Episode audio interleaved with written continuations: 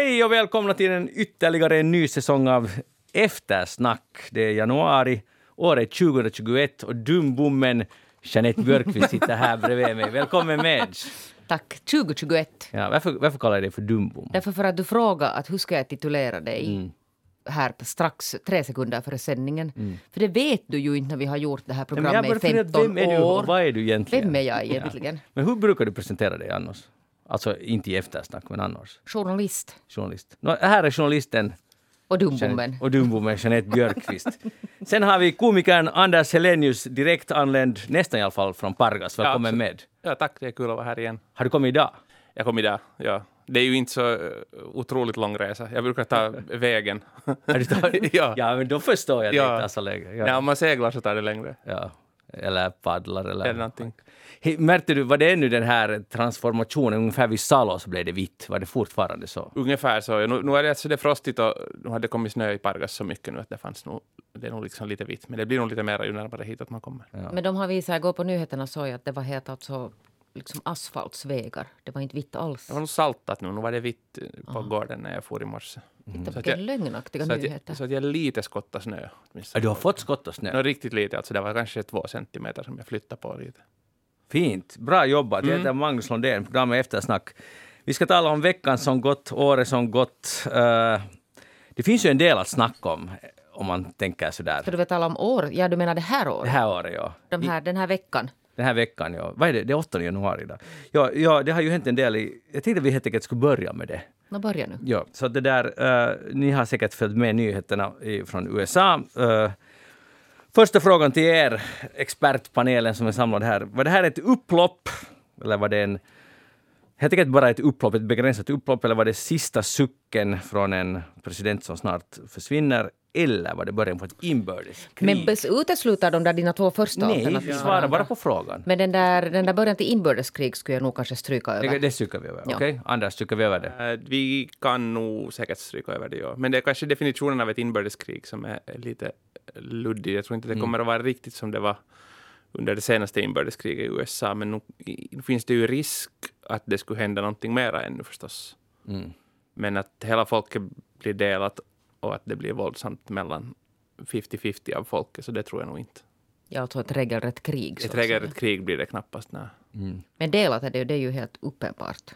Det har ja. det ju varit redan länge. No, jag, jag, vet inte, är det, är det nu sen så? Alltså det, det, det gänget som bröt sig in dit i, i, vad heter det nu på svenska då, senaten eller kongressen eller riksdagshuset, vad vi ska Capitol kalla Hill, ja men ja. ja. Så de var ju inte hälften av befolkningen. Det, garanterat de, majoriteten av Trump-röstarna skulle ju ha stannat utanför.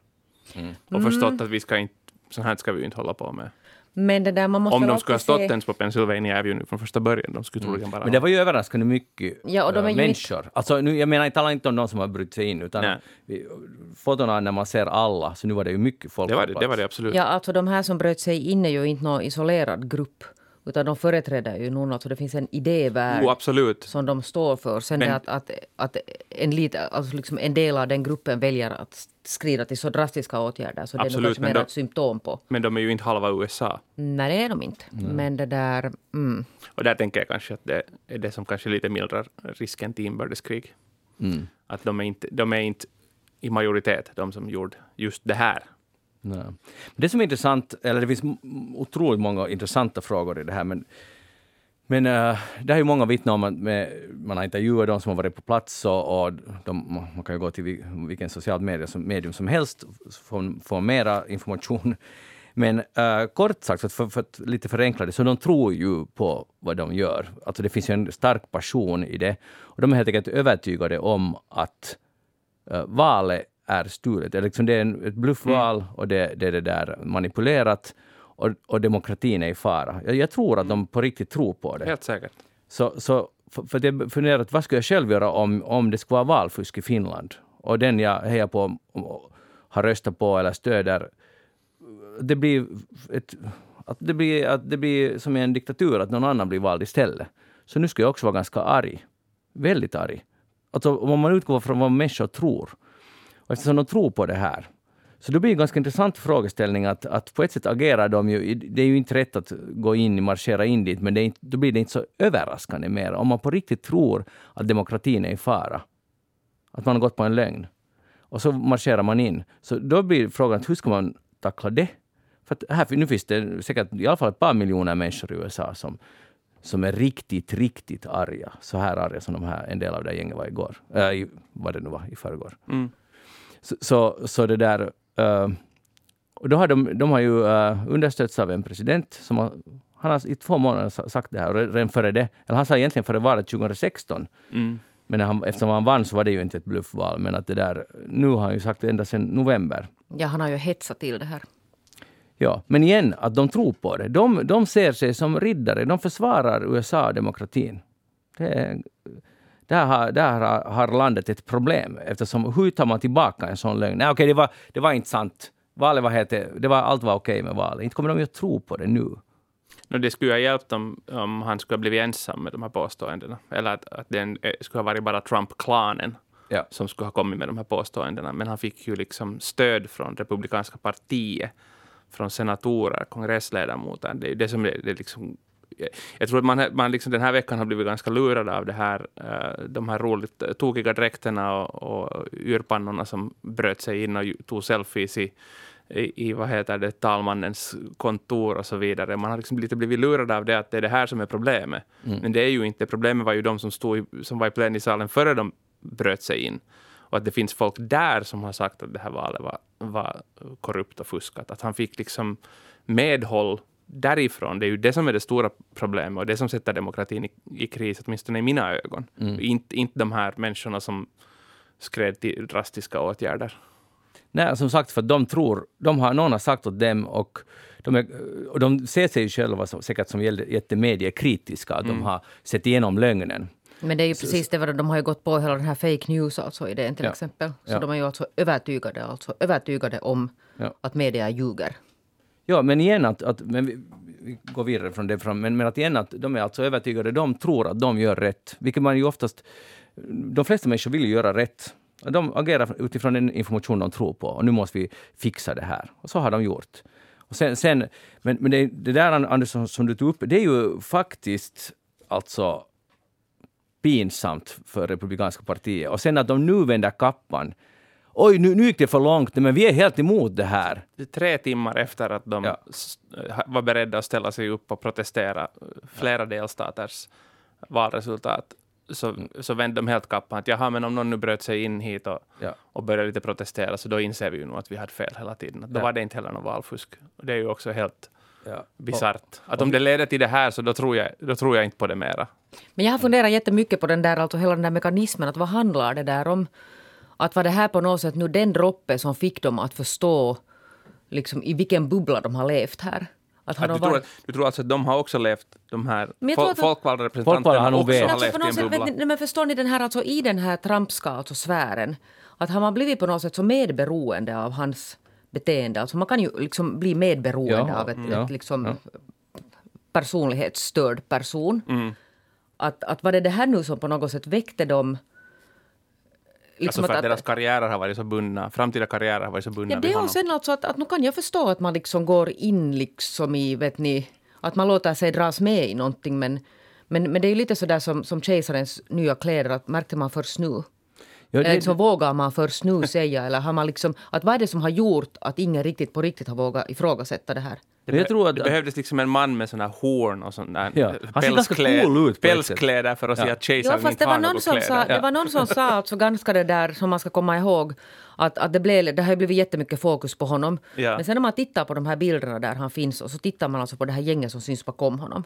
Alltså det är de man ska titta mm. på och inte på den här liksom utklädda pajasen. Nej. För att där är alltså högerextrema, alltså där är riktigt våldsbenägna människor jo, jo, som, ja, som står omkring honom. Holocaustförnekare och jo. grejer. Jo, det, och det, och det var någon och så vidare. Jo, jo, som alltså är faktiskt alltså riktigt jobbiga, obehagliga typer. Ja, de, alltså, tyckte du att han var behaglig den här? Nej. Jag tyckte han såg på ett sätt lite cool ut, alltså om det skulle vara alltså, maskerad. Ja, men, alltså, men nu var det ju inte det. Nej, vet men, du, jag, jag lovar nästa halloween men det, blir alltså, men det blir liksom, vet ni, det blir sån här show, alltså någon jämförde, jag, gud om jag ska komma ihåg vem det var som gjorde det, det var alltså en jättesmart jämförelse, att han blev lite som den här Trump, den här liksom, att det har mm. varit en enda show alltså hela tiden.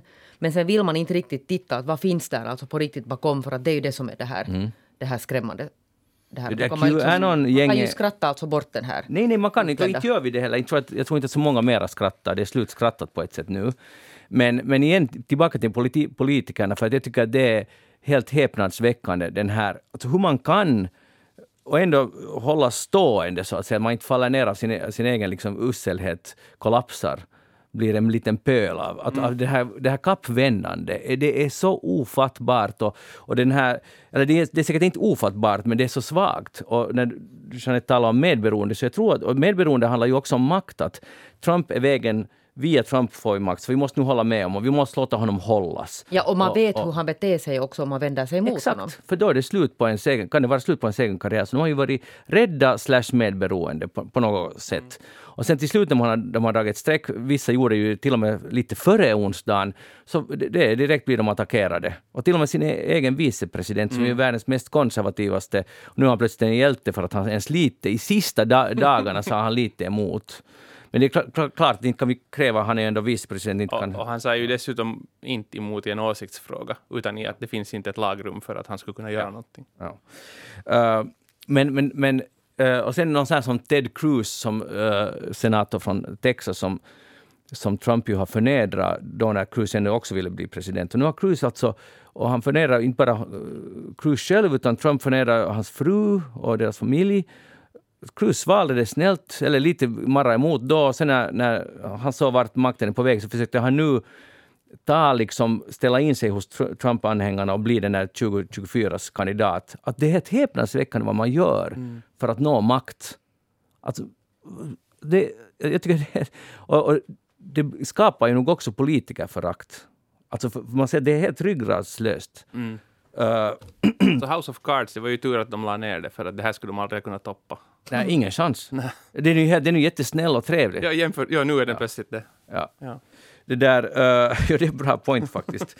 det där, no, partiet kommer antagligen nu att splittras, det är min gissning. I alla fall kommer de inte att ha den Trump-basen kvar, för Trump kommer inte att acceptera att ha blivit så här, fått kalla handen av partiet. Så någonting kommer att ske där. Uh, och vad? Men jag ska fråga nu, nu har ju uh, Twitter har ju sagt åt honom att du måste nu bete dig. Du har fått, Han blev ju en stund alltså spärrad först, först husarrest och sen att du måste nu bete dig. Om du inte beter dig så då blir du utkastad hemifrån. Liksom. Och sen Facebook, de har redan kastat ut honom. Och sen Snapchat har väl han får inte alls vara där, med det gamla, hur det nu var. Men det, o, de har tagit lite olika metoder. Om vi, vi tänker nu att ni är Facebook-föräldrar eller Instagram eller um, vad blir kvar? Twitter. Vilken metod tror ni mest på när någon har betett sig riktigt illa, så som Donald nu har ändå har gjort? Så ska man ge en varning eller ska man bara säga att nu, är det, nu får det räcka så som Facebook gjorde? Jeanette, du är ju vår uppfostrarguru här. Det där... Det där, de här sociala mediernas ansvar här är ju nog... Eller jag vet inte, liksom, ansvaret ligger förstås alltså hos Donald Trump som, som har fört fram den här retoriken. Och sen har de alltså i alla dessa år så har de erbjudit honom plattformen. Eh, sen är det ju så att när man slänger ut honom ur, ur olika kanaler så finns det nya kanaler. Alltså det finns en massa sådana alternativa ställen där inte kanske massorna rör sig men där det alltså frodas fruktansvärda alltså agendor. Mm. Alltså hatfyllda och, och våldsamma agendor och där kan han ju liksom publicera sig sen vidare. Men nu skulle jag ju säga det där hmm, att borde han ha fått en varning. No, det där, Vilken varning? Han har fått varningar alltså här längs nu med jättesent alltså för att nu har han ju fått, nu har han ju, du har ju själv alltså följt med honom, du vet hur han har mm. betett sig där på Twitter jo. alla dessa år.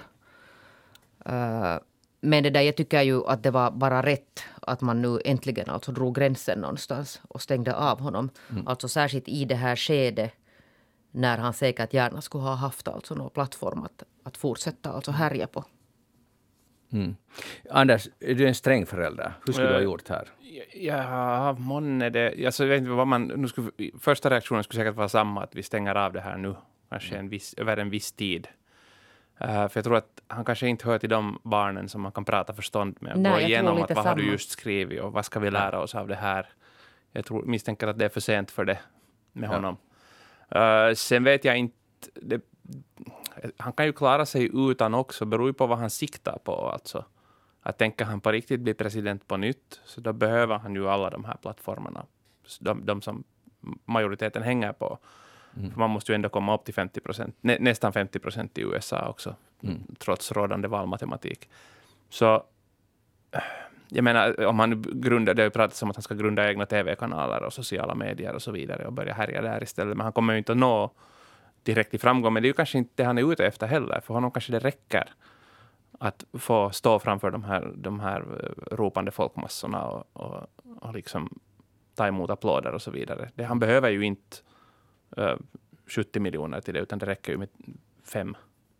Ja, så länge det, det blir bra business så räcker det. Ja, absolut, det också förstås. Men sen vet jag nu inte att det är nu 2024, så det kan ju vara att han inte, inte kommer, han kommer inte bli vald till president då, speciellt inte utanför republikanska eh, Nej, det kan listan. Det kommer inte att hända, men, men sen undrar jag med de här avkommorna, att när, jag är nog kanske mer orolig för hur, det, hur den här Donald eh, Jr kommer att tas emot. Han är relativt slimy, den, den killen. Han är slimy och han är väldigt alt-right ja.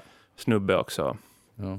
Det där, uh, han är mer slipad än sin pappa nu på, på många sätt.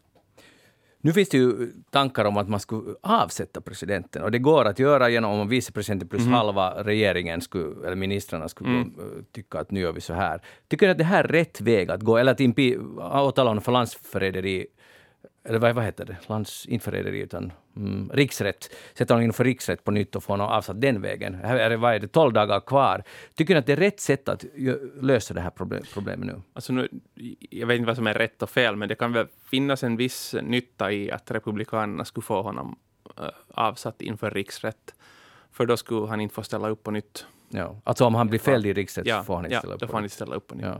Så och, de kan ju ha ett intresse av det nu, men som du sa, så 12 dagar, jag tror inte ens att de hinner. Nej, det skulle jag, jag känner inte till de här processerna, det, men jag tror att... Nej, och det lär nog vara lite svårare än, än man tror, jo. det här att alltså få den här processen. Alltså. Men tycker ni att, att, att det är rätt sätt? Att om det skulle vara... Nu, det finns, de flesta demokrater säger att jo, han måste bli avsatt nu. Och jag, jag upplever det som en, en, en, ett rop på hämnd för att de har blivit så, fått utstå så mycket och nu vill de hämnas. Och jag tror att, nämligen själv att det är fel. Jag tror att det, att det skulle inte politiskt vara smart att försöka avsätta honom. Visst blir man ju orolig vad som ska hända de tolv sista dagarna men att jag, jag, tror att vi får leva med det. Ja, jag tror lite, jag håller nog kanske med dig där nu. Tänk här. vilken martyr han blir. Liksom, om, och förutsatt att han inte hinner benåda sig själv här nu, vilket han påstår att han kan göra, benåda sig här, för att han har ju liksom, det finns ju vissa saker där som väntar på honom sen när den här presidentimmuniteten upphör.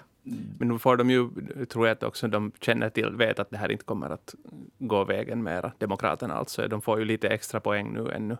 Ja. De får ju sista poängen bort från det här nu med att säga att han ska avsättas. Men skulle nu vara liksom han, är, de... han är kriminell och brottslig och han ska, han ska bort mm. nu sista tolv dagarna ännu. Men, men de skulle kunna sitta och titta på när republikanerna vittrar sönder inifrån och njuta av det, demokraterna, och inte börja med... För nu kommer det att, kan det vändas den här vreden mot demokraterna. Om jag ska vara demokratisk som strateg, ja. ska säga att nu håller vi låg profil, att alla vet att, att de, har, de har failat ganska radikalt. Och vi men, låter dem hålla på. Men de, de vill ju också se, troligen vinna bara liksom med några platser också i fortsättningen. Mm. De är ju inte intresserade av att få mer än 50 procent av senat. Och, varför tror du inte no, Varför skulle de? De vill ju inte att det ska bli... De vill ju, att, de vill ju uppehålla tvåpartisystemet. Mm. Det ju, gagnar ju dem. Släng in ett fjärde parti dit ännu då. Du har Trumparna, de gröna och, och demokraterna republikanerna. Så plötsligt så är de i någonting som liknar Finlands situation där inget, inget parti har 50 procent. Ja. ja, och det skulle, deras hela valsystem bygger ju på jo. att det, så det, det skulle inte riktigt funka. Det skulle vara intressant att se. Men alltså i kommer ihåg, var det i somras eller någon gång, så det var nu någon expert på Trump som sa att, att om han förlorar det här valet, så det kommer inte förstås att gå så att han, oj jag förlorade, det var ledsamt, men mm. livet går vidare. Utan då drar han alla ner i avgrunden. Att han kan inte gå, för att han har någon jag tänker nu kallar det för personlighetsstörning som gör att han kan inte förlora. Han måste, om jag förlorar så ska också du förlora Jeanette och du Anders. Vi ska, då förlorar vi alla. Och det här är ju det han han har ju faktiskt agerat exakt så. Men då ska det här skita sig riktigt ordentligt. Men någonting hände ju här. Var det i natt som han höll det här talet? Där han, ja. Eller var det igår natt som han höll talet? Han sa att det kommer nog att gå allt bra. Och han fördömde jättemycket de här människorna, ja. som det här kappvändande igen, ja. som han tidigare sa att we love you very much, you do, but go home and, and have some rest, we love you really much. Mm. Här, go home in peace. Go home in peace, ja. de här protestdemonstranterna, eller, eller vad, är de, vad de nu var för vad kom vi till att de var? Statskuppsmakare? Eller? Nej, no, stats, det skulle jag inte kalla Det var de inte, ja. utan de var ja, upprorsmakare. Eller upprop, ja, ja, ja. ja eh, oberoende. Så då, och nu har han ju vänt totalt och sagt att hej, att ni, ni är ju hemska människor och så där borde ni aldrig ha fått gjort. Ja. Och då börjar man ju fundera nu, att vem skrev det här talet då? Och vem är det som fick honom att ändra sig? Någon måste ju ha varit För han har ju inte varit en ödmjuk man de senaste fyra åren. No, det var man han se här nu precis före sändningen började var att det togs ju inte heller så jättevarmt emot av de här. Nej. Hans, hans de här hängivna anhängarna. Men alla gånger hittills när han har, måste, när han har helt ställts mot väggen och tvingats säga nästan ur, ursäkta för någonting, förlåt. Mm så kommer det alltid sen, han gör det först och sen kommer sanningen så att säga på Twitter. Ah, så lite du väntar senare. ännu på? Ja, på ett, i ett eller annat forum. Att valet blev ändå stulet. Jo, det har han väl hållit sig till. Men, men, men han, det här är bara nu tillfälligt här vapenvila, det kommer att återkomma på honom. För nu blir han så kränkt och, och så orolig när han ser att hans egna fans blir knäckta på honom. Ja. Och det kan han ju inte tåla. Då, vad, vad har han då kvar? Han har ingenting kvar sen. Så det, kommer, det här var gjordes bara för att det ser bättre ut, det är vad jag påstår. Och han måste så att säga, polis, han måste göra det. För att han, blir ju en, han är ju nästan ensam nu. Men jag måste nog säga att jag har du det där... tror alltså inte på att, vad heter hon, Ghislaine Maxwell har, har talat eller att något, något Epstein-bevis har läckt ut eller att... Eller att Nej, jag tror inte. Eller att, att de här äh, hemliga äh, FBI-agenterna har visat åt honom Kennedy-mordet från en annan vinkel eller någonting ja. sånt. Det finns många teorier nu redan. Ja. Nej, jag vet. Jag tror inte Du tror inte? Du tror att det kommer någonting ännu? Ja, det kommer att komma. Men jag väntar jättemycket på den här tiden när det inte kommer att finnas så mycket Trump i nyheterna. Jag väntar alltså jättemycket. Du får nog vänta då tills hans hjärta säger stopp. Nej, det är jag inte alls säker på. Det här handlar ju också om alltså prioritet, hur man alltså prioriterar innehåll, till exempel mediekanaler. Nu kommer det att komma alltså en ny president faktiskt. Men vad ska, vad ska de här kommersiella kanalerna göra i USA, där de flesta är ju kommersiella? Men de kan ju lite börja till exempel rapportera och fokusera på de här galningarna, alltså den här alt-right ja, falangen, som alltså på riktigt alltså är en jätteoroväckande sak, som sprider sig alltså i andra länder också. Jag håller helt med dig. Men Folk klickar på allt som har med Trump, inklusive Men är jag. du så säker på att folk... För månne inte det är här skräckblandad förtjusning. Jo, no, jag, jag kan säga det? att jag klickar inte alltså på allt som... Jag är ganska trött på honom. Ja, ja, jag hoppas att vi blir flera som är som du. Det skulle vara helt sunt. Jo, för jag är alltså det där, jag orkar inte ens vara fascinerad av den här. Liksom. Jag tycker bara det är, jag är jättetrött på honom. Men det är nog ganska fascinerande att vi har en man som har en stark störning som är mäktigaste personen i världen. Och Några alla, dagar och alla är medberoende, inte alla men jättemånga. Några dagar till. USA håller på att byta president, har du märkt? Ja, jag vet. Och ingen talar om vad Biden tänker göra. Det, det, det Nej, ju men det försöker jag fundera ganska Och Ivanka är ju den som kommer att ställa upp 2024. Nej, det är Don Jr. Hej! Är det Nu dags skulle, för det ett vara, vad? nu skulle det kunna vara nog. Ja. Vad ska vi slå vad om? Alltså om det är någon av dem så är det Don Jr. Okej, jag säger Ivanka. Okej. Men vi slår på, på heder och... Det, det var, nu borde vi ha någon insats här nu. Ett Hubba Bubba slog han förra gången var de Ja. och ingen fick det någonsin. Nej, jag förlorade Du dessutom. förlorade många gånger om förlorade du. Jo, jag har oddsen lite emot för jag, jag har dålig... alltså lita på hans Hej, varslag. men å andra sidan, jag, jag fick är det exakt begagnat rätt. eller, eller nytt? Jag, ny, vi Oätet. kan ta nytt. otuggat? Ja, otuggat. Okej. Det där, eh, vi slår vad på ett huvudbubba. Det måste vara det där röda klassikern som Okej. fanns från början. Och det, det här måste levereras. Okej. Fick vi det på band nu? 2024, ja. Ja. Det där, hej, sista fråga. Hur mycket personligt ansvar har... Om vi tänker nu, jag, menar inte nu personligt ansvar att okej, det är klart om man har slagit sönder ett fönster och, och stjäl något dokument och vandrar ut med talarstolen så är man personligt ansvarig straffrättsligt och så vidare. Men vad jag menar, hur mycket... För det här blir det intressant. Hur mycket personligt ansvar tycker ni har att, ni, att man ska ha att ta reda på information själv? Att faktiskt tänka nu att vänta, kan... Är det månne så att Trump ljuger till mig? Att, att, att börja ifrågasätta, se sig själv utifrån. För det är det här det handlar om, att, att någon form av kritiskt tänkande, vilket de tror att de sysslar med. Men uh, Men det är baserat på helt andra källor än vad normala Ja. människor läser.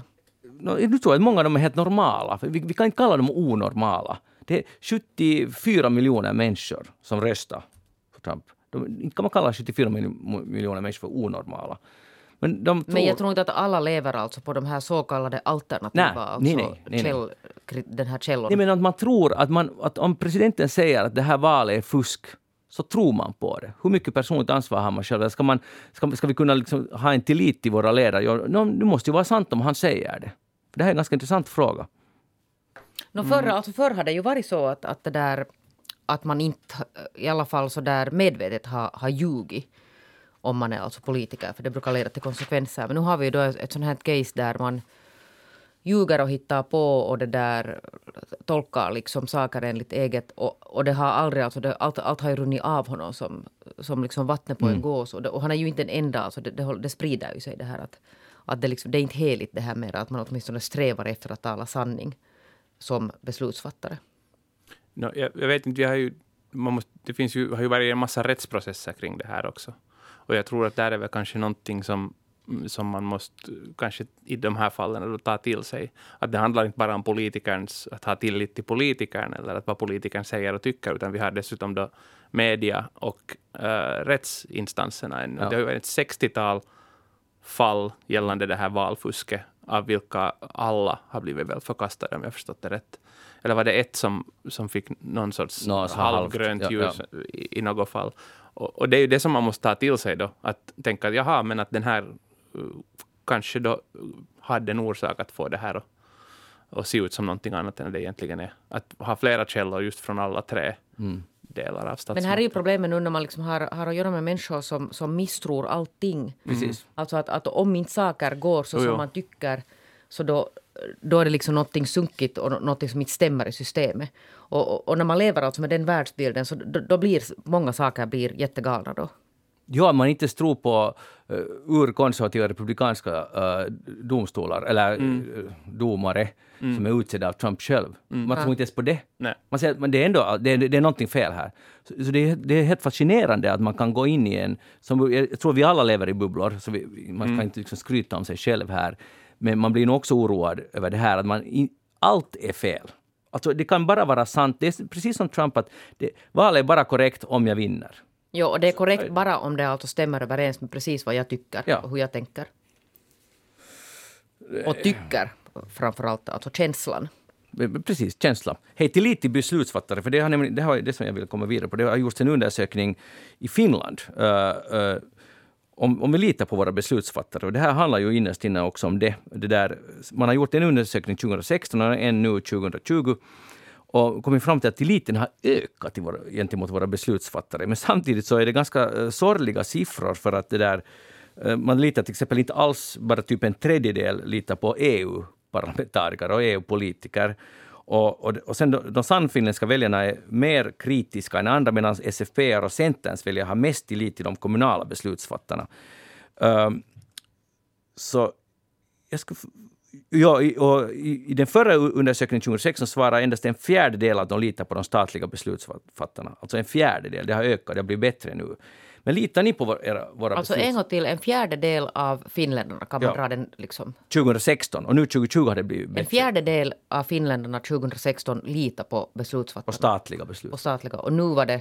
Nu, jag tror att det var just under 50, ungefär 45. Nu har jag inte alltså en minoritet då som litar på statliga Jag tycker att det var så, ja. Och vilka månne man tänker på det? Är det politiker eller är det liksom tjänstemän? Eller ja, beslutsfattare är nog politiker. Mm. Så, men jag tycker att det, det som är intressant här är uh, ordet tillit. För att jag tror att människor har tänkt så här att tycka, håller de politiskt är de politiskt överens med beslutsfattarna? För tillit är ju att man litar på... Nu kan jag lita på en, någon politiker som jag inte alls äh, håller med om i åsikt, men nu kan jag tro att den ärans äh, person ändå, att den, den liksom talar sanning så att säga utifrån sitt eget perspektiv. Men förstår ni skillnaden mellan mm. tillit? Mm. Att kan det vara det, en, en tolkningsfråga, hur man tolkar ordet tillit? Ja, eller det är, för, det är en för öppen fråga. Liksom. Att, ja. Litar du på att dina politiker inte snor uh, pengar från statskassan till egen ficka? Ja, ja. det litar jag på. För det, det, tror jag inte att de gör. Uh, så jag menar, litar du på politikerna när den säger att den driver hela Finlands folks bästa? Nej, den driver sina röstares bästa. Ja. Så där finns väl en ganska stor skillnad egentligen. Mm. Ja. Har du tillit till våra väljare? Till våra, till våra väljare? Till våra där, beslutsfattare? Alltså nu tror jag nu så där, så där liksom initialt att de som ställer upp och blir invalda så tror jag ju nog att de vill alltså föra fram någon sak som de tror på som, som förhoppningsvis alltså är bra för de flesta. Och sen finns det ju en massa rötägg som åker in också. Men det får man ju liksom leva med. Mm. Men inte tror jag liksom, alltså inte misstror jag till exempel riksdagen så där per definition. Det gör jag verkligen inte. Jag tror att den är full alltså med människor som jobbar jättehårt. Ja, för att inte alla kommunala politiker. No, kommunalpolitiker framför allt alltså. Det är ju jättejobbigt. Och sen finns det förstås, det finns massa massa problem och det finns massa mygel och sånt här, men, men man kan ju inte utgå från att, att det liksom att, att det är huvudsaken. Att man, far, att man blir kommunalpolitiker för att mygla, det tror jag verkligen Nej. inte. Men, men jag tror att problemet är här att man, man litar, man har, känner tillit gentemot sådana som har liknande åsikter som en själv, som driver de, åsikter, de frågor som är viktiga för en själv. Och det här blandas ihop. Mm. Det, det, här är ett sånt dilemma. man måste ju, det skulle vara viktigt att man skulle kunna känna tillit också till sådana som jobbar, inte exakt för de frågorna som man, men man kan, den hederlig politiker, och jag tror att de flesta i Finland, åtminstone traditionellt tycker att de har nu varit, det kan ju vara att det här är supernaivt. Samtidigt måste man ju vara extremt kritisk också. Jo. Det blir ju en svår balans där. Ja, jag tänker så att, det, de, att du, det finns ju inte någonting fel i det att lita på att den ska jobba för ditt bästa, för det är det som den är vald för. Ja. Att det var, var det Sipilä eh, och Vanhanen och, och Niinistö är ju sådana som har kört med det här att de är liksom koko kansan. Och att de, de jobbar för, Sipilä hade åtminstone att han jobbar för Suomi Oy, liksom. Mm. För hela Finlands bästa alltid. Och det stämmer ju inte. Nej, men det kan inte stämma. Det, det är ju omöjligt. Det, det är det som politik går ut på. Att du har 200 personer där i riksdagen och alla driver sina egna partiers och sina egna röstares intresse.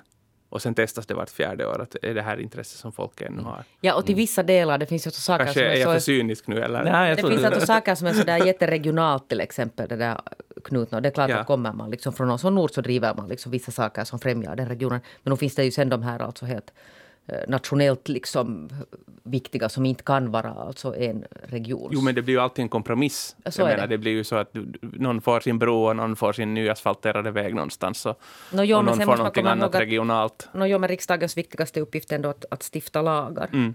Och, och, de är ju, no, kanske ibland är de på något sätt regionalt motiverade eller liksom kommer från något sånt, men nu är det ju liksom ändå landets lagar vi talar om. Du nämnde ordet bro, Anders. Revsundsbron i Pargas. Mm -hmm. nu, nu är det så att man måste åka... Det är det som skiljer åt Pargas från fastlandet, kan man mm. kalla det. Nu, nu har det kommit att man får köra högst 50 kilometer i timmen och 60 meter mellan bilarna. Ja. Är, är, är det någon corona sån här, sån det, här det, är inte, avstånd?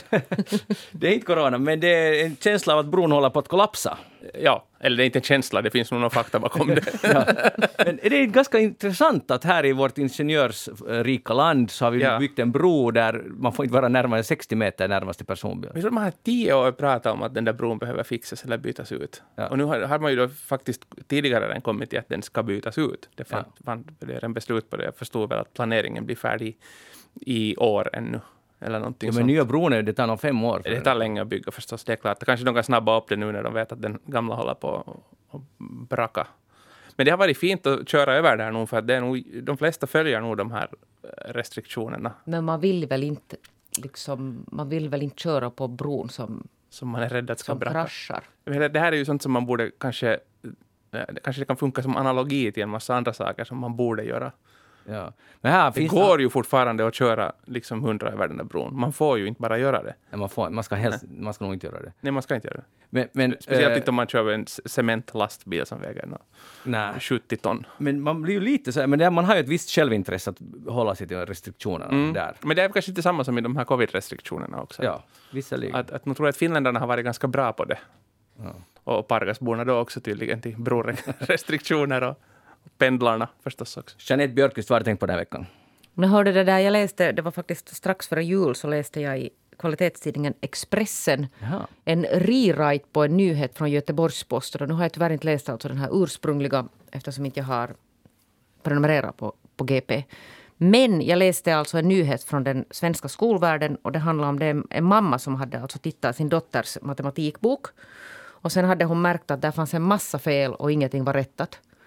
Och hon var lite chockad för att det visade sig att den här dottern var tydligen då ganska dålig på matematik men, men man rättade inte alltså hennes fel. Mm. Sen kontaktade hon den här skolan som bekräftade att det, det är just så. Hur? Så att, att matematik är ett sånt här ämne att, att, att elever lätt tappar alltså stinget. Så, så därför har man nu valt att man inte rättar fel. Aha. För att då förstör man barnets liksom, självförtroende, självförtroende och liksom glädje i den här på något sätt. Det är viktigare att, att man liksom visar glädje och intresse att lära sig. Och då, kan man, inte, och då kan man inte säga att, att nu blev det fel, för då, då vill barnet inte lära sig. Oj, jag känner så här gamla gubbiga konservativ, konservativa åsikter bubblar i mig. Låt dem komma. Jag, jag känner precis samma jag fick, Ja, men jag vet. Alltså, nu borde vi bara få någon som tycker olika. nu, har, nu har det gått för långt. Men nu vill jag... Jo, men det är just det vad det har gjort. Men det där... Men nu måste jag alltså... Jag måste nu, för att jag måste sen... Jag var så att, att kan det här verkligen stämma? Och det här stämmer alltså att, att det är så här. Men det har, det har nu faktiskt väckt lite, eller inte så lite heller, utan ganska mycket kritik i Sverige också. Det var nu ingalunda så att hela Sverige så här att, att det är den här vägen skolan ska gå. Mm. Uh, utan det har till och med gjorts en, en riksdagsfråga till undervisningsministern och frågat att, att att på något sätt, här, här har vi nu liksom den här slutliga symboliken för det här svenska skolsystemet som har gått helt åt pipan. Mm. Men att det på något sätt är bara liksom den här slutresultatet av en lång utveckling. Men igen, tänk om det här är rätt metod? Tänk om det Nej, är det så. är inte rätt metod. Alltså jag, vet, jag, säger, jag, jag, jag, jag, är säker på att det inte är, men tänk om det är. För man måste ut ur sin bubbla. Se igen, som vi talade om tidigare, se hur framgångsrikt Sverige är i affärsvärlden. Nu, nu, nu corona har säkert ändrat på det, men ändå liksom business och... Det är klart att de, men om inte de behöver räkna rätt i bokföringen. Ja. Nej, men alltså nu skulle jag säga hej, att, de, att de här kommer ju, de springer ur en tid när man antagligen förhoppningsvis fortfarande alltså korrigerar alltså fel i i matematik. Sen den här skolans rektor säger att det, att det stämmer att av många ämnen så är ju matematik faktiskt sånt att det är ganska absolut det här att det är endera rätt eller så är det fel. Ja, det är på det stället nog. Ja, det finns inte ja. liksom någonting sådär att... Det är inte så mycket å ena sidan och andra sidan. Två plus två är fyra och ett halvt. Nä. Nej, alltså, men en, är alltså två, tvåandelar är samma som fyra fjärdedelar. Förstås. Ja. Mm. men sen skulle jag säga... Att jag visste den där mamman det. Sen innan ja, vi, visste hon det. Men sen innan vi det där, liksom hamrar oss jättemycket för, för det där bröstkorgen här och säger att vitsar att de är döbbar där i Sverige. Så måste jag säga att, det där, att jag har ju också observerat så där på nära håll, uh, ni vet när barn ska lära sig skriva i skolan. Mm. Och, det där, och, och, då hämtades det hem åt mig och visades en massa saker. Jag sa att vad är det här att, att bara liksom ord radas på varandra. Att liksom meningar så här bla bla bla bla bla. bla. Men då fanns det också någon sån här idé om att, det där, att först ska man lite lära sig skriva. Man ska inte liksom dämpas av det här med punkter och sådana mm. dumheter. Liksom, och avbryta eller liksom hålla sig på rätt rad. Utan, utan det får nu gå lite hur det går. Och jag satt ju genast, alltså jag har ju tagit från början den här att, att nu gör vi rätt från början. Stor bokstav, med punkt, mellanslag, vet ni allt det här. Nytt stycke. Knausgård lärde sig inte den saken. Nej, jag vet och så se hur det, no, det gick ju ganska bra det gick för honom. ganska bra kan man säga, ja. men det där, men där är också någon sån här... Att, Nej, inte en enda. Jag tänker aldrig göra det. Men vet ni, förstår ni att, att där, också, där finns ju också någon sån här tanke att, att först ska man låta det liksom flöda fritt och sen mm. först i ett senare skede så ska man styra upp det. Nu är det bara det att, att sen visade det sig att, att han hade fått flöda fritt utan något sån här ingrepp för länge så mm. blir det ju svårt sen att styra det rätt. Jo, men det, det, det kan vara det där gammalmodigt. För alltså på allvar, flödestext och det är ganska pop nu. Ja, alltså det, det, och flödesmatematik är det nya. Ja, det är. Eller det, fast innan man börjar vända den där skutan sen liksom till att, till att börja göra rätt och kräva rätt. Någon, I något skede måste man ju börja göra det. Ja, men det kan jag ju I säga. något skede måste man ju berätta att julgubben inte finns. Ja, det, det vill det. säga att matematik behöver vara just på ett visst sätt alltid. Men jag tänker liksom med språkundervisning, med, med, jag, jag, är bättre på finska än mina barn. De går ju i och för sig i lågstadiet så det är inte så konstigt. Men, men jag, jag märker ju ibland det att, att så, så, fort man börjar säga att nej, det ska vara så här. Och jag har inte, kan inte hemskt mycket om grammatik, men jag kan finska så jag vet att det är rätt eller fel. Mm. Men eh, det, där blir ju liksom ofta problemet, speciellt när man inte har någonting annat att komma med än det här är bara fel, det ska vara så här. Så, så det tar lite bort av den där glädjen av att lära sig ett nytt språk. Matematik är kanske lite annat, det är inte kanske, men, men någonting, för, någonting finns det i det där, för att, fast i hur små barn man pratar om förstås. Ja, men Något skede måste man ju börja prata finska rätt också förstås. Så jag gjorde en halv kappvändning här nu, för det där med språk tror jag ju däremot att, att, att det kan fungera så att det får alltså, där ska det få flöda först mm. innan man börjar bli korrigerad. Mm. Att på något sätt så tror jag nog att, att om man bara liksom kommer till det här att man, att man får mod att tala fast man säger fel, så det brukar sen nog justera sig längs med åren. Mm. Men sen när det gäller att man ha, om man har räknat fel då i sju år i skolan och så kommer plötsligt liksom på åttonde klassen någon och säger att hej, by the way så...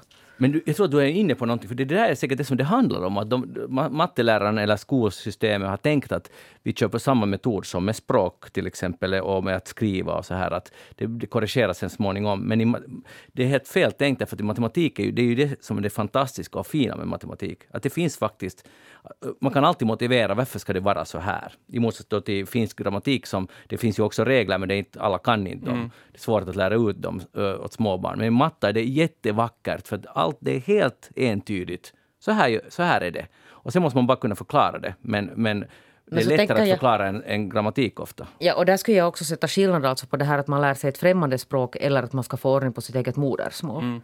För att modersmålet har man ju förhoppningsvis ändå så där att, att då är det liksom bra att lära sig skriva rätt från start. Vi går vidare. Anders Helenius, vad har du tänkt på den här veckan? Jag har tänkt på Danmark. Aha. Det började egentligen för att jag läste en nyhet, eh, det här var från tisdagen, i Iltalehti, som skriver om ett danskt barnprogram. Jag vet inte om ni har hört om det här. Eller det är ett program i ett danskt barnprogram uh, den här om en karaktär som heter John Dillemand.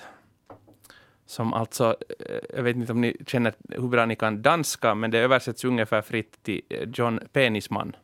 Jaha.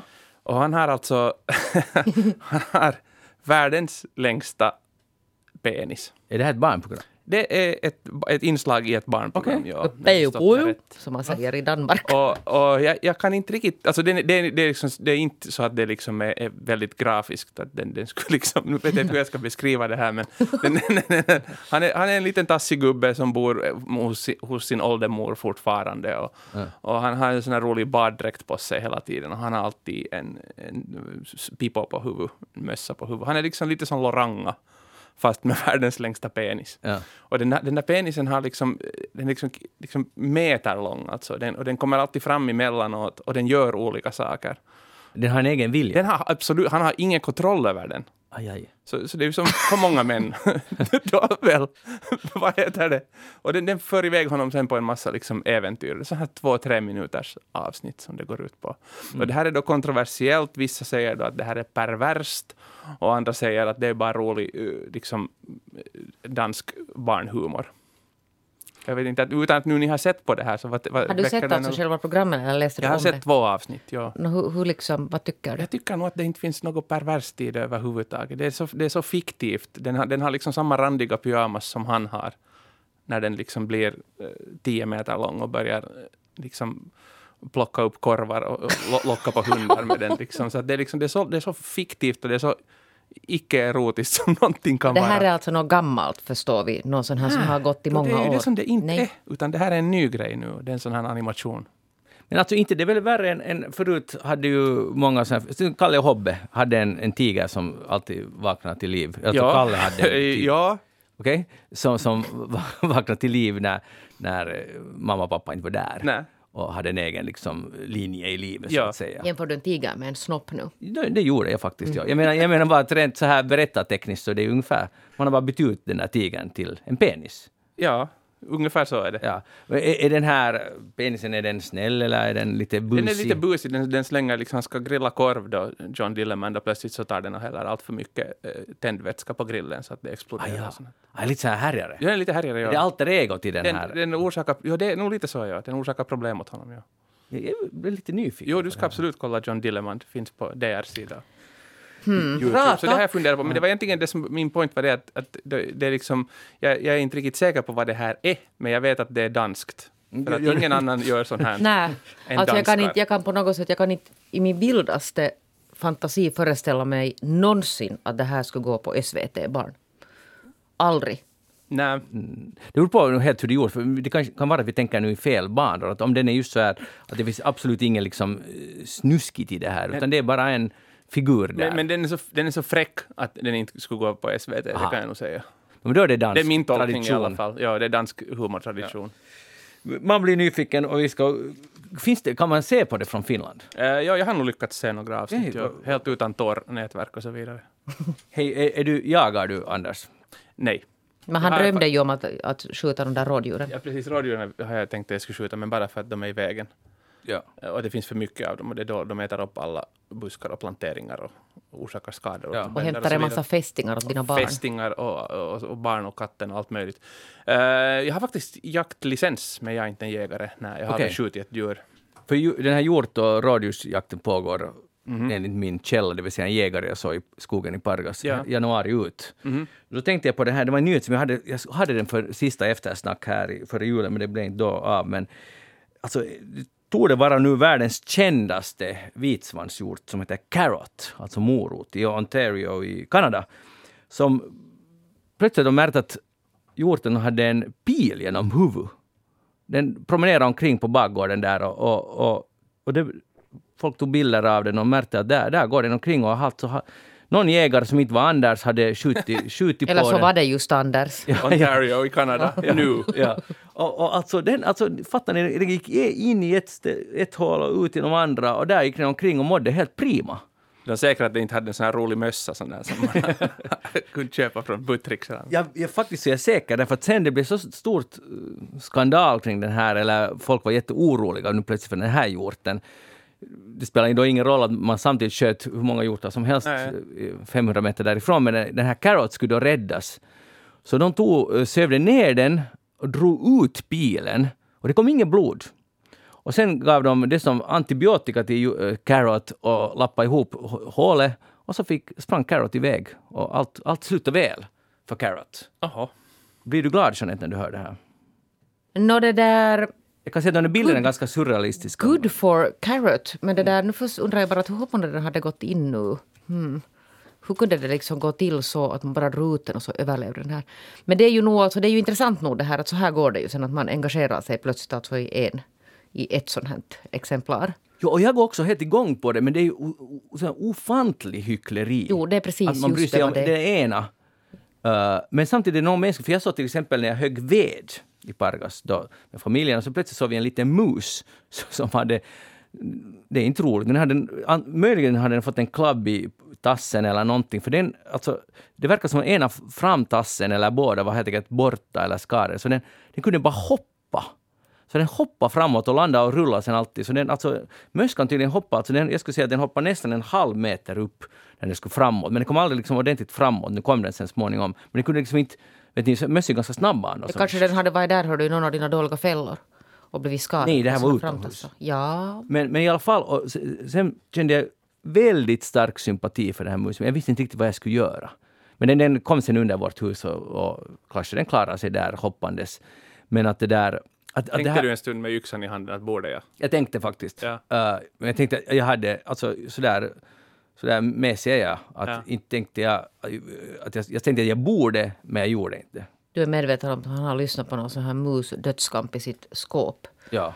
I sitt skafferi där i, i Pargas. Och det var också ganska traumatiskt. Men jag, menar, jag medger att det här är lite, lite löjligt, men jag menar bara att, att, sådär, att jag förstår att man ville rädda Carrot, men samtidigt är det ju...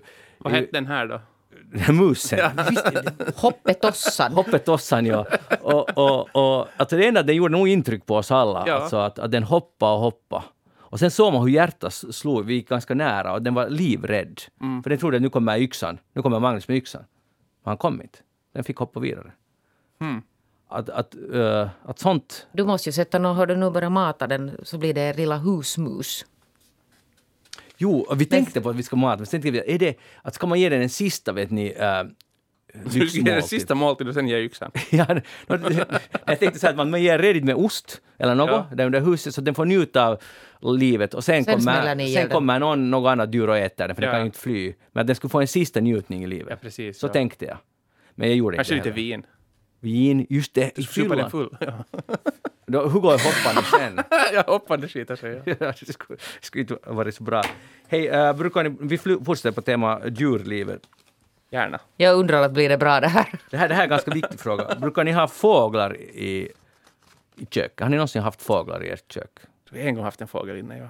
Jag har nog någon gång haft fåglar inomhus. Flug kommer alltså in genom fönstret. Ja. Om det händer på nytt så ska ni vara jätteförsiktiga. Ni inte använder Lidls uh, ugnsformar samtidigt. För jag köpte här nu en sån här uh, ugnsform uh, som på svenska har det något som heter släpp lätt-beläggning. Alltså det är en sån här... Teflon, typ. Typ teflon, ja. Ja. Så, så läste jag den här innehålls, eller den här instruktionen hur man ska använda den. Det är hur man tvättar den och allt. Helt så här Mm, ja. sakliga saker. Sen kommer det i slutet. Överhetta inte dina kokkärl för att undvika rökutveckling som kan vara farlig för små djur, inom parentes till exempel fåglar, med ett särskilt känsligt andningssystem. Vi rekommenderar att inte ha fåglar i köket. Men de tänker på undulater. Jag förstår det, men jag tycker det är ganska intressant att det tillverkar, eller, eller det står när jag köper, inte ont anande köper en ugnsform så står det att kom ihåg att inte ha fågel in i, i köket när du tillreder mat med den här. För att det kommer någon sån här Det giftig... kommer ånga och då börjar man ju tänka att vad kommer det riktigt från den där? Alltså, det är bra för mig om inte Ja. fågeln tål det. Fåglarna dör, de faller ner från taket där hemma hos dig om du använder den här. Ja. Skulle- Jag, kanske inte, kanske inte, men nu, nu finns det väl en orsak varför de har satt in det där. Någon alltså har haft en fågel i köket och sen har den trillat ner. Det finns, det finns ju alternativ. Det- Man skulle inte göra sådana här ugnsformar. För, att, för att om nu fåglar dör av det, är det riktigt bra för människan. Och, och, och det andra är att det är ganska speciellt när man skriver ut att skydda fåglarna. Men du, du har säkert rätt, Jeanette, det har att göra med de undulaterna. Ja, Att det är inte tanke på... Eller andra burrdjur. det är inte så roligt att det där blir sen det där ansvarig tillverkare för sånt som dödar undulater. Nej, kan man tänka. Hej, har ni det där, um, du har ju klippt hår Anders nu, det där, har det att göra med pandemin eller? Nej, det har nog inte haft med det att göra alls. Det bara... Nej, hur skulle det ha haft med det Bara, att göra? jag vet inte, det är ju tvärtom nästan. Ja. Inte klippt hår under pandemin. Jag har snarare gjort fel då. Magnus har också klippt håret. Man, det är inte lika radikalt är Jag hade långt hår förut, Ja. så nu har jag inte mera långt hår. Men det där, för nu läste jag en artikel om att uh, faktiskt hänvisar till en kvinna i, i in Helsinki eh, som s- säger att nu är rätt tid för plastikoperationer. Ah, Att, för att man, uh, coronan började, det är visserligen nu ett år sedan, men man kanske hinner ännu, nu när det verkar förlängas lite, den här coronaepidemin. Så att det där, och strategin är den att coronan började, alla kommer ihåg hur det såg ut. Sen är du borta från dina kontakter ett år, ett och ett halvt år. Och när allt är slut så kommer du ut som en helt annan människa. Så att oj vad det gjorde gott för mig att vila. Exakt! Och det är det här! Alltså på riktigt, det är just så här. I hennes fall så brösten skulle nu opereras på något sätt, men också plastikoperationer, allting. Man ska fixa sig så man kommer igenom corona och ser ut som en fantastisk människa. Det har gjort gott det här, vila och, och jag, har, jag har haft tid, vara ute. Men det är egentligen Jag har magra men Ja. brösten har vuxit samtidigt väldigt mycket. Att tänk vad, att de som ja, säger... läppen har blivit något helt intressant. De har blivit stora. Har du stora läppar som jag pratar lite annorlunda med? Ja. Och det här är allt kan ske. Vem sa att corona bara var dåligt? Nej, det här, precis. Att det där, men har, ni, eh, har ni tänkt på det här, hur ni Nej. kommer att se ut efter coronan? Liksom, det, det, det, nå- någon dag... Är, Efter, alltså det, där, det är på något sätt sådär utgångspunkten att man på riktigt har suttit inomhus ett år och inte träffat en enda människa. Det har jag ju inte gjort. nej. Att jag har ju till exempel en gång per vecka ses vi. Vi kan ju alltid. Nå, nu är det tre veckor sedan vi ses. Ja, vi har koll på varandras face nu. Ja, det är just det. Ja, Du är egentligen den enda som har träffat så här regelbundet, förutom ja, familjen. samma. Det har jag aldrig tänkt på förut. Hui. Ja, men, nej, förlåt. Men jag menar, det är lite så här chockerande. Ja. Det där... Ja, uh, Anders, du, måste, du, du är ju TV, du måste fundera på ditt... Nej, jag tror inte att jag behöver mera. Nej. Jag är ganska nöjd med att det får förfalla i den takt som det gör. Okej. Ja, du dessutom hörde det där måste vi komma ihåg att påpeka att han är ju, upp, han är ju kandidat där i Kultainen Venla-omröstningen. Man kan rösta, publiken får rösta på sin favorit. Det är nästan som att vill rösta på Anders. Helenius. Där Ja, det ser man ju bara det. bild och video i och för sig, så det kan man behöver man titta på photoshoppa. video, man kan alltså rösta direkt bara. Man kan rösta Alla direkt. vet ju vem ja, du är. Ja, precis. Perfekt. Uh, Jeanette, hur är det med självdisciplinen? Skulle du säga om någon skulle fråga att Jeanette, har du självdisciplin? Ja. Du har? Jag har jättehård du? Ja, det har jag verkligen. Det är ju jättebra, för jag, ska, jag har goda nyheter. Hur är det med Anders? För Eh, det? Jag har eh, fysiskt bra självdisciplin, men Mm. inte eh, mentalt. Alltså jag, jag, jag ibland tänker på saker som jag inte skulle behöva tänka på. Jag, kan, inte- jag kan inte alltid stoppa mig. Liksom, när jag Vad är det för att- tankar du har då? Nej, Vi behöver inte kanske gå in på dem just nu, men de är alla lagliga. Kan jag säga så långt. det där, men ändå tycker du inte om de där Det är tankarna? inte tvångstankar eller någonting sånt, men jag menar bara att ibland så, så vet jag själv att jag borde inte nu Fundera fundera, på det. på, det här alls. Nej. Typ vadå? Vad som helst. Men, men uh, okej. Hon gav sig inte. Men Nej, nej, hon gav sig inte och vi har fyra minuter tid Det var därför jag skulle ha fortsatt här. Jag bara titta på klockan, att hinner man ännu pressa lite? Man hinner inte om vi ska tala om det jag ska tala om. För att, uh, självdisciplin, nu är det visst säga att, uh, att en enorm undersökning, om man börjar kolla på barn redan vid tre års ålder, sen har det varit 5, 7, 9, 11 och sen har det varit 26 och 45 och kolla hur livet gick sen för de här, de här små kidsen. Och nu har det visat sig att om, enligt den här, att om man har det som de kallar för självdisciplin, så kommer man att åldras med värdighet. Man ser yngre ut, man mår bättre, är nöjd med livet. Allting fixar sig bara man har självdisciplin. Och jag är lite... Jag ifrågasätter lite det här, men att så här säger undersökningen. men jag förstår inte, vad- på vilket sätt har de mätt det här? Alltså, vad, är det, vad är det liksom man mäter då den här självdisciplinen med? Det kan ju rimligtvis inte handla om att kan man kontrollera sina ovälkomna tankar. De, de har hos barn kollat, har de såna här aggressioner? Och är de alltför impulsiva? Är de överaktiva? Uh, och vill de hela tiden ha uh, uppmärksamhet som har varit aktuell den här veckan i USA? Och, och sådana här saker de kollar och sen försökt se, försökt se en, en, ett samband med beteende, hur man mår sen som 45-åring. Och då påstår de att om man utesluter, de, har, det här, de kallar det för forskning, och det kan vara det också. Så de här som har någon självdisciplin, så de åldras med värdighet och tycker att livet är riktigt trevligt, ser friska ut och så vidare. Och jag bara tycker, för det, jag tycker det är ganska trevligt med att vara impulsiv impulsiva människor. Inte vet jag hur impulsiv jag själv är, men, men att det där, kan det här stämma? Nu kan det för nu är det ju jättemycket sånt som, eh, som kräver självdisciplin som gör att kroppen mår bra. Ja. Dessvärre. Ja, det är bara så enkelt helt enkelt. Ja, det, det låter ganska långt så att om du kan låta bli att äta den där ohälsosamma maten och dricka den där ohälsosamma alkoholen och, och ha självdisciplin att hålla igång en bra motionsrutin så men så blir det, så blir det sen genast just så att det är just det där det går ner till. Att, ja. att har man liksom självdisciplin för att kontrollera sig. Det är det, ju inte något roligt liv om man nej. kontrollerar sig. Jag menar, det handlar ju om också om vad, vad samhällets värderingar är. Att om definitionen av att åldras med värdighet är just det att man är gott, god fysisk vigör. Eller att om det är det att man har jävligt mycket intressanta storyn från Amsterdam sommaren 97. Mm. Det har jag inte heller i och för sig. Men, alltså, men, men, alltså det där men det kan ju vara olika saker. Men jag skulle säga att det är mer det att vad, vad, man vill alltså vara disciplinerad men man vill ju kanske inte vara disciplinerad med allting heller. Nej, vad, vad, vad är du inte disciplinerad med? Nå! ja, ja, det vill vi ju inte. Nej, det vill vi inte prata om. nej, nej, nej. Och nu tar tiden slut.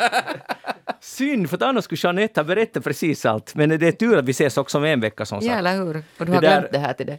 Men för att, för ännu, alltså de där storyn från Amsterdam 97 kan ju bli lite tråkiga, men, men nu är det ju helt roligt om man har levt livet istället för att vara självkontrollerande och, och vara jättebehärskad hela livet. Men jag har ju aldrig varit, alltså, fast jag säger att jag är självdisciplinerad, så det betyder ju inte att jag inte skulle ha liksom levt livet och varit i Amsterdam till exempel, tror jag inte 97. Men, men var 96, du 97? Ja. 96 tror jag det var. Ja, ja men det duger ja. nog. Ja, just det. Ja, vi kommer inte att lösa den här frågan, men en, diskussionen fortsätter på facebook.com sen eftersnack och tyck till om Jeanettes och rösta på Anders i Kultainen Venla. Ja, gör det också. Rösta, jag skulle säga att rösta på eftersnack, alltså på Anders i Ja, just det, den vägen svänger vi på det. Ja, vi är nästan där. Ja. Det står något annat program på honom, men det ska ja. vi inte bry oss om. Det är inte så viktigt. Jeanette Björkqvist, tack för att du var med här idag. Anders Helenius, tack för att uh, du var med. Jag heter... Tack, uh, det var roligt att vara med. Magnus Londén och programmet är faktiskt slut för idag. Vi hörs då igen om en vecka. Ha det riktigt bra tills dess och gå in på facebook.com eftersnack så hörs vi där. Hej då!